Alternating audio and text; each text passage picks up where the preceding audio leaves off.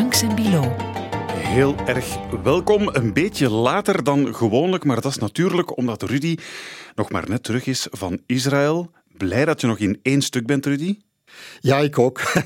dus daar, eh, ja, nee, dat was bekomen? Ja, ja, ja, was regelmatig wel luchtalarm. Hè. Je hebt zo'n app tegenwoordig, is dat een oorlog met de app, waarin dat verschijnt wanneer er uh, raketten uit Gaza komen. Hè. En dan, dan zie je zo jouw buurt, want je moet dat aangeven in de app waar jouw buurt is, rood oplichten en dan weet je, oké, het is tijd om naar de kelder te gaan. Oké.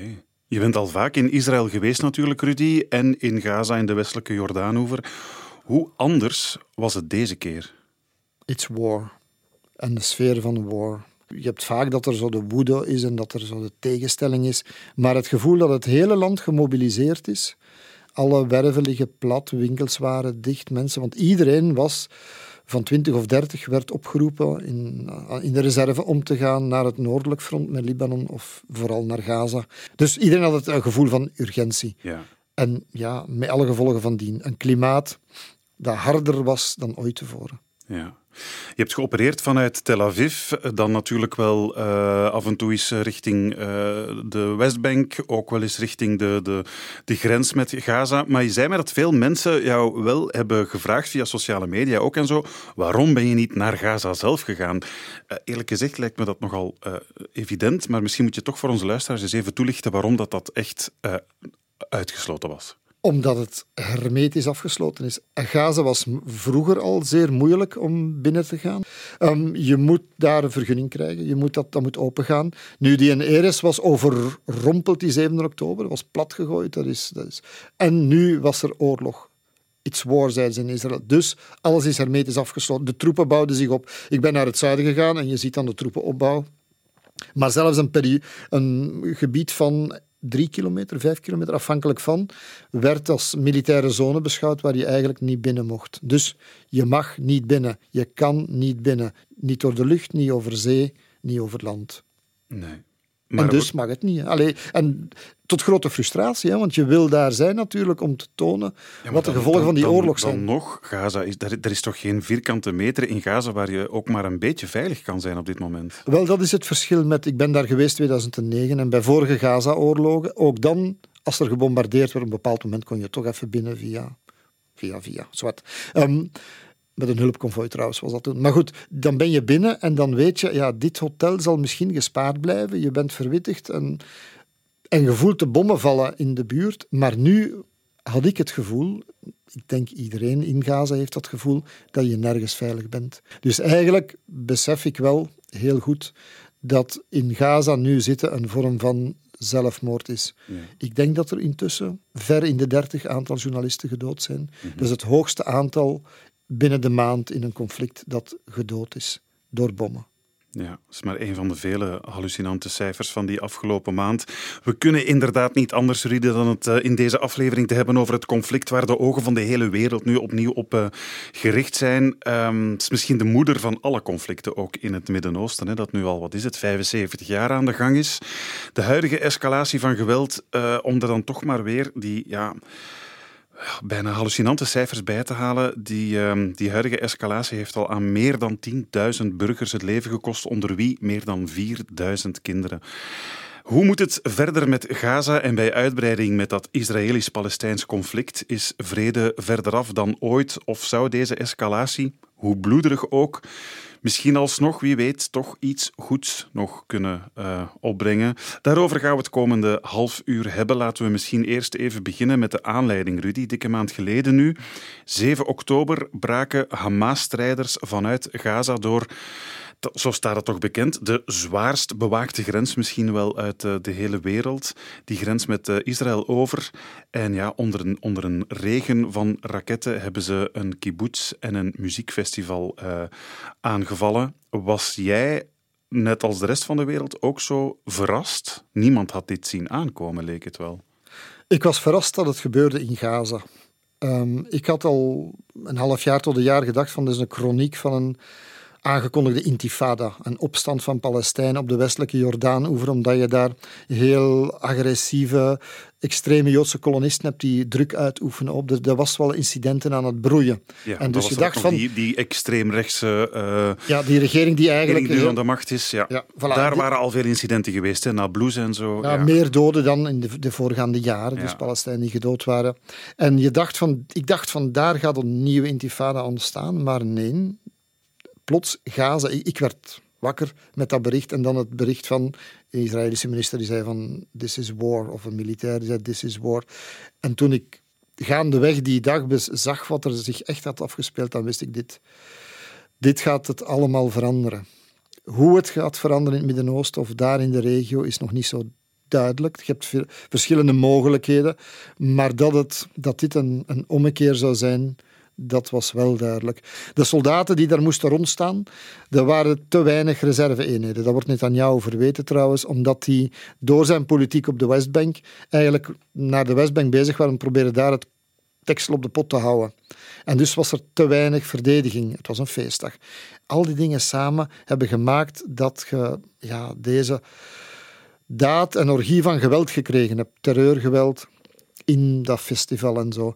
Ik denk, ik vermoed, als ik ook zo de reacties lees van Hamas, die zo een paar hier en daar wat citaten geven in de wereld, dat ook zij verrast waren door het succes. Ze niet hadden gedacht dat het zo zou gelukt hebben, zo ver zouden kunnen doordringen. Zoveel... Ik vermoed dat het battleplan was om dat af te breken, het gevoel van onoverwinnelijkheid en ondoordringbaarheid weg te nemen en misschien een paar tientallen gijzelaars of zo te nemen. Mm Plots 200 in de 40. Ja. Hoeveel 1200 doden is nu onlangs het cijfer opnieuw bijgesteld. Slachtpartijen. Ze hadden waarschijnlijk niet gedacht dat het. Ja, het heeft hun verwachtingen mogelijk zo overtroffen. Ja, en dan denk je van: dit is een ommekeer. Want dit kan niet zonder gevolg blijven.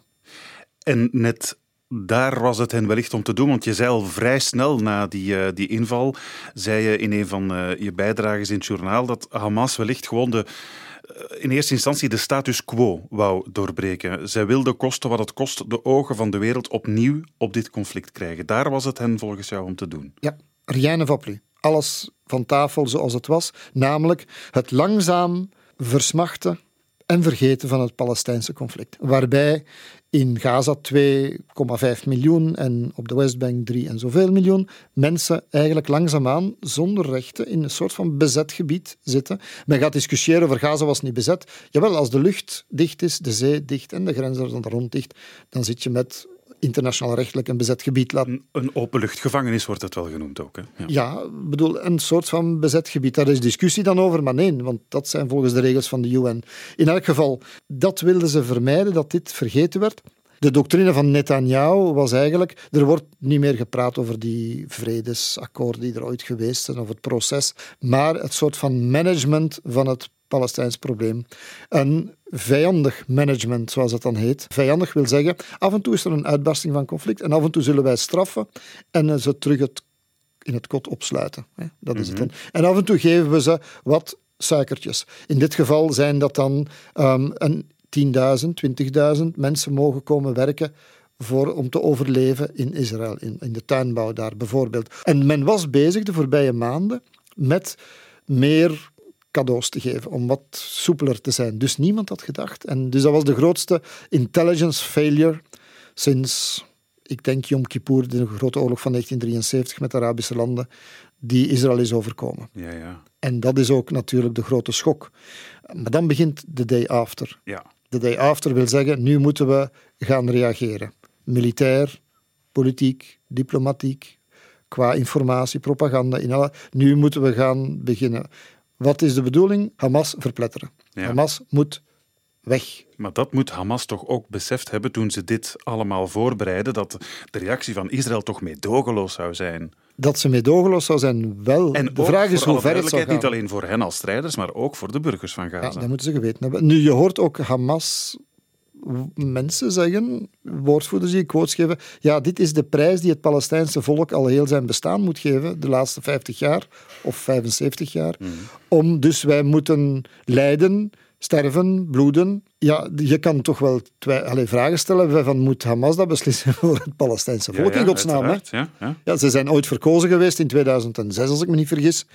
En volgens mijn schatting hebben ze al lang geen volwaardige steun meer binnen de Palestijnse bevolking, daar toch niet op die manier. Dus, dus in dat geval, in dat opzicht, is, heeft Hamas beslist van wij weten dat het moet, er zal geleden worden, er zullen doden vallen en we zullen zien. Of dat men nu denkt te kunnen ontkomen aan de totale vernietiging van het hele leiderschap, militair leiderschap ter plekke, het hele netwerk van Hamas, dat is een andere zaak. Want Hamas is natuurlijk meer dan, je hebt de politieke vleugel en de militaire vleugel. De terroristische vleugel mogen we ook Ja, dat is wat men noemde in de tijd IRA. Je had de, de, de, politieke vleugel die ging onderhandelen. Veel van die politieke leiders die zitten dan in Qatar, die zijn daar aan het onderhandelen. Dat wordt hun verweten dat die in luxe hotels zitten, terwijl ze de anderen onder de bommen zitten eigenlijk. Maar men zegt ook dat die militaire vleugel, dit is heel strikt geheim gehouden. Niemand wist van al dat informanten- en intelligence-netwerk, wist niemand van de Mossad, Shin Bet, dat dat daar ging gebeuren. Dus men heeft dat in een heel kleine groep geheim gehouden. Men zegt soms dat een deel van de politieke leiding het ook niet wist, of amper wist, of zeker pas op het laatste ogenblik ah, wist wat er ging gebeuren. Dus ja, die militaire vleugel die zit er en die wist van, wij moeten nu, want de identiteit van onze Hamas in de ogen van het Westen terreurorganisatie. Van, zij noemen zichzelf een verzetsorganisatie. Wij moeten onze identiteit bepalen. Zijn wij politiek alleen maar bezig met te onderhandelen over die cadeautjes, hè, wat meer geld, wat meer uh, arbeiders die weg mogen? Of is de kern van ons bestaan verzet? En op dit ogenblik van de geschiedenis, als de Palestijnse problematiek vergeten dreigt te worden, voorgoed in hun ogen. En dat de andere Arabische landen, zoals Saudi-Arabië, akkoorden gingen sluiten onder patronage van de Verenigde Staten met Israël. Waardoor al hun Arabische broeders hun ook zouden vergeten en verraden. Dan zeggen ze, is dan de kern van ons DNA mhm. verzet en strijd ten koste van zoveel duizend slachtoffers? En hun keuze is duidelijk geweest, de 7 oktober. Ja. Maar het gevolg is wel dat die mensen daar vastzitten. Denk aan de ziekenhuizen. Uiteindelijk gaat iedereen vluchten naar de meest veilige plek dat ze nog denken. Dat is het ziekenhuis. En daar zitten dan tienduizenden mensen verspreid over vele ziekenhuizen. Maar daaronder zouden dan, zouden dan mhm. Hamas zitten. Ja. Maar alleen, je, hebt, je zit in een situatie dat dus nu alles blijkbaar een doelwit kan zijn. En ambulances die getroffen zijn, scholen, um, safe places van de UN, um, ziekenhuizen. En altijd is de verklaring onmiddellijk, ja, maar daar was een Hamas in. Alleen, hoe bewijs je dat? Mhm. Is dat zo of is dat niet zo? Dat kunnen wij niet beoordelen. Ter plekke wordt gezegd van niet. Het ziekenhuisdirecteurs zeggen van nee, dat is niet waar. Israël zegt van wel. Ja, ook op dat vlak wordt het opnieuw, hè, zoals het in Rusland en Oekraïne ook is, een informatieoorlog natuurlijk. Hè. Ja, het, maar een oorlog om het narratief. Ja, maar dus een informatieoorlog, een propagandaoorlog van wie de juiste boodschap het meest kan overbrengen, die heeft zogezegd de oorlog gewonnen dan. Maar dan nog, ook daar binnen dat internationaal recht, binnen dat oorlogsrecht, ik vind daar iets heel bizars mee aan de hand. Hè ik hoor mensen zeggen van ja, maar het, als dat een ziekenhuis gebruikt wordt, of een ambulance, als een militair object, namelijk het vervoeren van wapens en strijders, of om zich te verschuilen en van daaruit aanvallen te plegen, dan is dat een militair doelwit geworden en legitiem om aan te vallen. Alleen moet je wel de intentie en het imminente gevaar, zeker bij ziekenhuizen, voor zover ik begrijp, bewijzen. Dat ze gaan aanvallen van daaruit. Dat ze effectief van daaruit gaan uw soldaten aanvallen. Als je dat niet kan, dan... En maar hoe bewijs je dat? Dan zeg je, ja, maar als de aanvallende het aanvallende leger, in dit geval het Israëlische, zegt van ja, dat is zo, is dat dan voldoende?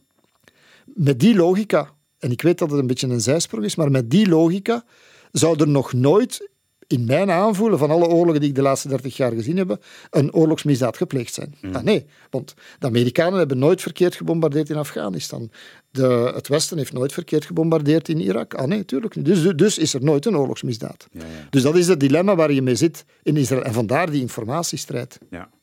Nu goed, dat Israël um, Hamas zal proberen op te ruimen uh, in, in Gaza en dat ze daar wellicht voor een groot deel in zullen slagen, dat, dat staat denk ik wel buiten kijf. Hè. Ik denk, denk dat ze wel echt uh, uh, zeer vastberaden zijn om, om, om Hamas, zoals jij zegt, op te kuisen. Maar zoals je ook net zei, de echte eindbazen, die zitten wel veilig in Qatar. Dus Hamas is daarmee nog niet van het toneel verdwenen. Nee, want Hamas is meer dan dat. Als je dan vergelijkt met het IRA in Ierland. Je hebt de strijders, veronderstel 20, 30.000 man, men schat dat het zoiets is, die zitten onder de grond. Laten we zeggen dat je de meeste kunt uitschakelen. Er is nog zoiets als een, de administratie. 60.000 wordt geschat. Mensen die de Gazastrook besturen, zijn op een of andere manier afhankelijk van Hamas. Hebben een lidkaart van Hamas, zijn, hebben familie bij Hamas, omdat zij het bestuur zijn. Ga je die dan ook allemaal weggaan? Wie gaat dan ooit nog iets van een samenleving kunnen beheren, besturen met ziekenhuizen, met, met scholen van 2 miljoen mensen? Wie gaat dat doen? Ze hebben het, het Westen, Amerika, vandaar dat Biden, ik vond het eigenlijk interessante zinnetje, hij gaat naar Israël en zegt van, let op, leer van de lessen die wij, de fouten die wij gemaakt hebben in Afghanistan en Irak. Ja. Dat blijft zoiets in de lucht hangen. Ik weet welke fouten dat zijn. In Irak hebben ze bijvoorbeeld de debatification, zoals de denazificatie na de oorlog hier in de, wereld. dus alle mensen van de baatpartij weg. Dan hebben we het niet alleen over de mannen met een wapen, maar ook iedereen die daar alles, de knop van het licht wist staan, de kraan van het water kon openen en dichtdraaien. Het land is in chaos weggezonken. Als je dat met die 60.000 Hamas bediende, zeg maar, mhm. dokters, whatever, gaat doen, wat schiet er dan over? Dat is het volgende. Ja. Je kan Hamas als organisatie wel ontmantelen, bestrijden, doden, maar ga je het idee van Hamas, en daarmee bedoel ik niet alleen islamitisch extreem gedachtegoed, maar het idee van een verzetsorganisatie, want dat is ook een deel van de DNA van Hamas. Wij vechten tegen wat zij noemen de bezetting. Mm Tevoren hebben ze hetzelfde geprobeerd in de jaren 70, 80. Um, met Fatah, de, partij, de verzetsbeweging van de, binnen de PLO van Yasser Arafat, de historische leider. Ook dat was een terrorist. Ook mhm. die werd verdreven, vernietigd. Ze hebben Beirut binnengevallen, ze hebben Beirut voor een stuk kapotgeschoten. Mm Ze hebben dat niet kapot gekregen. Na, Arafat, na, na Fatah is Hamas gekomen. Wat komt er na Hamas? Als je het probleem ten gronde niet aanpakt, dan is het nog niet opgelost. Het is soms gemakkelijk voor bepaalde mensen vanuit politieke ideologie te zeggen het probleem is alleen maar een terreurorganisatie en is alleen maar Gaza. Het probleem is veel groter. En mhm. dat heeft Hamas op de kaart gezet. Dus dan is de vraag, tactisch gaan ze verliezen, militair gaan ze verliezen, maar wie gaat er strategisch winnen? Ja. Laten we al eens één stap verder kijken, uh, Rudy. Netanyahu heeft al laten verstaan dat ze puur om veiligheidsredenen, zegt hij dan, minstens nog een tijdje militair aanwezig zullen blijven in Gaza. Zou dat kunnen uitdraaien op opnieuw een pure bezetting, Israëlische bezetting van Gaza? In zijn hoogdagen, voordat Shannon zich teruggetrokken heeft uit Gaza in 2005, was Gaza zogezegd bezet. Er waren kolonisten, bloks, zoals dat dan heet, nederzettingen, bloks, zo halverwege Gaza, waar ze nu zijn doorgesneden, hè, tot aan de kust, zo mhm. halverwege om het noorden van het zuiden. Dat was zo de weg van, de, van vroeger, van de militair bezette weg. Ze kenden die plannen nog waarschijnlijk. En daar zaten ook die nederzettingen. Dus ze kunnen bijvoorbeeld opnieuw Gaza in drie stukken op gaan delen, twee of drie stukken. En daar versterkte brug bouwen, van waaruit ze gerichte aanvallen gaan doen. Eén keer dat Hamas is opgericht, om van daaruit het te blijven controleren, terwijl ze daarin afwezig, zo buiten de dagelijkse leven staan. Maar ze hebben dat niet kunnen volhouden. Dus de vraag is of dat je dat gaat kunnen doen en of dat de bedoeling kan zijn. Amerika heeft er al voor gewaarschuwd. Dat dat niet, uh, niet de bedoeling kan zijn en dat dat niet wijs zou zijn. Dus de vraag is, is dat het plan? Maar dat is ook geen plan. Hè? Dat is eigenlijk een, dat zijn ad hoc tactiek. Dat is geen strategie op lange termijn. Ga je dan permanent die Gaza op die manier beheren? Er zijn ook andere plannen. Hè? Er zijn nog veel radicalere. Ik ga het niet hebben over die min of meer waanzinnige minister van Toerisme die zei dat hem een atoombom ging smijten op, op de Palestijnen. Mm. Ik bedoel, los van het feit dat je geen atoombom smijt in je eigen achtertuin, gezien de fallout. Maar ook, hij bedoelde daarmee als metafoor. En de metafoor wil zeggen totale vernietiging en verdrijving van. Dat is de metafoor van een atoombom. Want er zouden ook plannen gelekt zijn dat ze, dat ze de Gazanen eigenlijk massaal Willen de met de verdrijven. Sinai-woestijn willen over laten steken en dus eigenlijk daar... Dat is ook een plan. Dus ofwel bezet je het, eh, ofwel verdrijft je ze allemaal. Maar dat willen de buurlanden niet. En de Palestijnen zijn doodsbenauwd dat dit het lot wordt. Want het zijn eigenlijk, in Gaza zitten eigenlijk al vooral vluchtelingen die uit Zuid-Israël komen van nu en die dus naar daar gedreven zijn voor een stuk. Dus nu hadden ze een huis, maar nu zijn het dan vluchtelingen zonder huis die dan nog verder doorgedreven worden. Een nieuwe Nakba noemt men dat. Wat in 48 gebeurd is met Palestijnen. 700.000 verdreven. In 67 zijn er nog eens verdreven. Dus nu de derde golf. De nieuwe Nakba. De nieuwe verhuizing of verdrijving. Dat is ook een optie, Ja. natuurlijk. Anderen suggereren dat de Palestijnse autoriteit zou moeten Gaza eh, overnemen. En dan gaat het dus over Mahmoud Abbas, die nu eh, de, de westelijke Jordaanover eigenlijk eh, bestuurt. Maar ja, Ja. oude man van 87 met nauwelijks legitimiteit, wordt gezegd, onder de Gazanen. Daar wordt hij eigenlijk niet echt... Daar gaat hij nooit met, met open armen ontvangen worden. Nee, als je het zou moeten in, in supermarkttermen doen, dan is die, zijn houdbaarheidsdatum is al lang verlopen. Ja, Die man is al, de laatste verkiezing was in 2000. 2005 dacht dat, ik, hij, ja. dat hij daar verkozen is.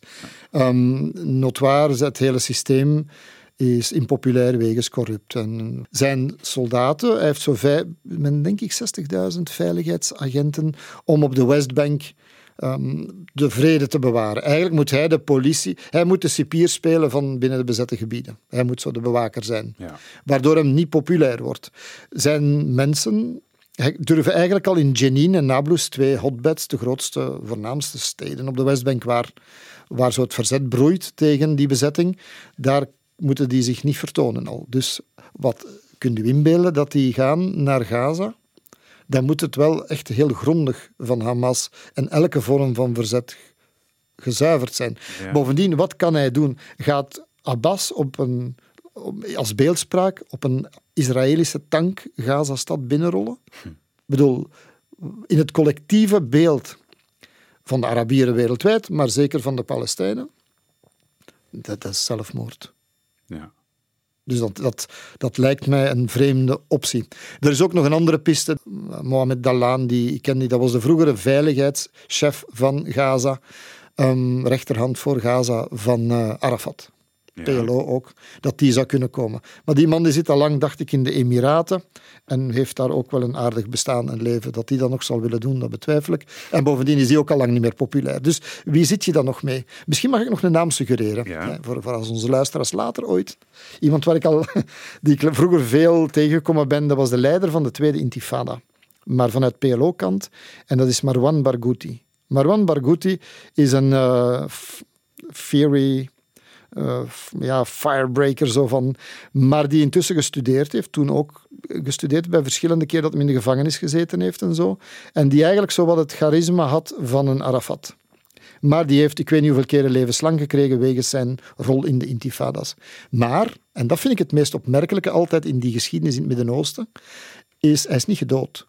Dat klinkt nou vreemd, maar Arafat in een tijd hebben ze ook niet gedood. Ze hebben al zijn luitenanten gedood, Ja. maar hem niet. Marwan Barghouti zit in de gevangenis en is daar de leider van de gevangenen.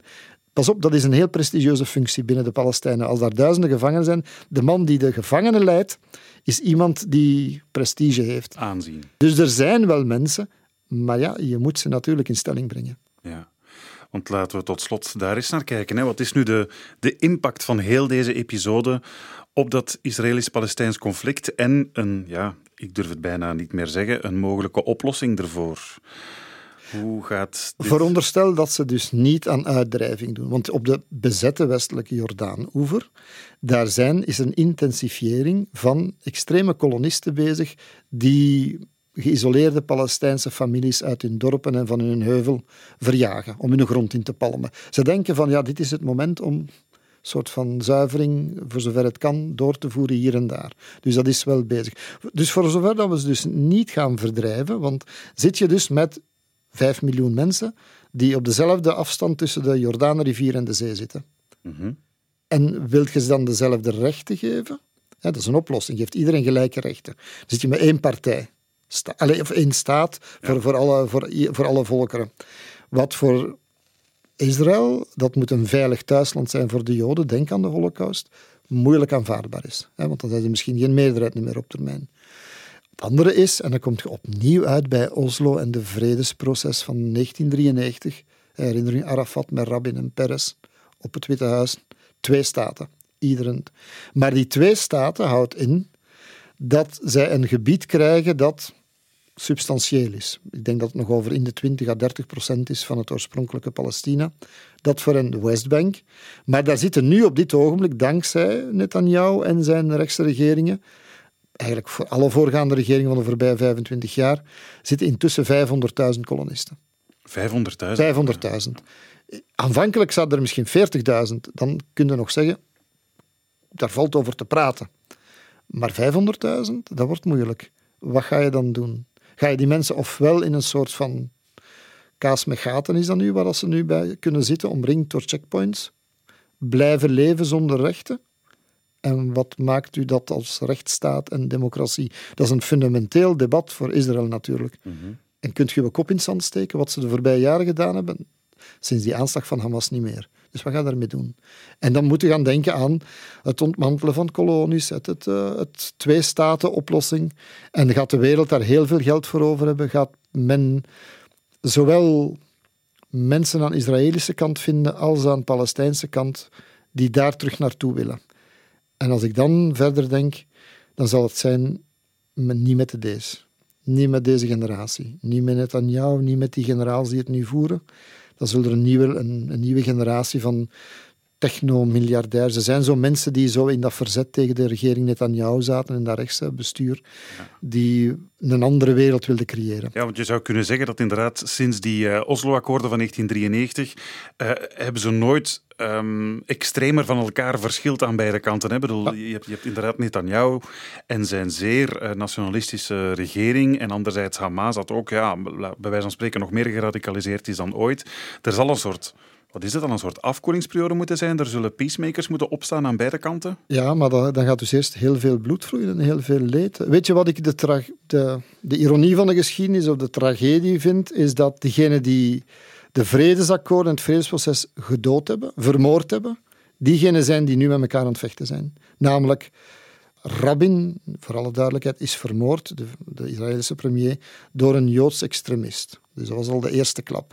Vervolgens heeft Hamas maandenlang, en ik woonde daar toen, aanslagen gepleegd op bussen, op, uh, op bushokjes, op mensen die in de straat waren, in Jeruzalem, in Tel Aviv, met veel doden. Die heeft gemaakt dat het vredesproces aan credibiliteit verloor. Die heeft gemaakt dat Netanyahu onder meer dan de eerste keer zijn verkiezingen gewonnen heeft. Mhm. Die heeft gemaakt dat er een spiraal naar beneden gekomen is waarbij een steeds hardere, steeds rechtsere regering kwam. Waar we nu zitten. Datzelfde Hamas die daarvoor verantwoordelijk was en Netanyahu zijn nu, laten we zeggen, aan de finale ronde van hun gemeenschappelijk bestaan bezig. Ja. En dan, vandaar dat ik zeg, niet met deze generatie. Ik bedoel, niet Hamas. Het is onaanvaardbaar dat daarmee gepraat wordt. Het is niet zoals Arafat, die nog rehabiliteerbaar was. Niet met Hamas. Hetzelfde met Netanyahu. Alleen wat er nu gebeurt. Als dat, nu zijn er al 11.000 doden. Ik weet niet waar het cijfer gaat eindigen. En hoe Gaza er gaat uitzien over een maand, twee maanden. I don't know. Mm -hmm. Het is een soort eindspel van een generatie, uh, hoor ik je zeggen, Rudy. En we kunnen maar hopen dat er hierna een nieuwe generatie op staat met andere ideeën. Dat is de enige hoop die je kan hebben, dat het toch gebeurt. Want anders, anders krijgen we een heel tragische geschiedenis daar. Die al ja, 75 jaar bezig is. En laten we hopen dat het ooit lukt. Zal het nog in onze tijd zijn, Rudy?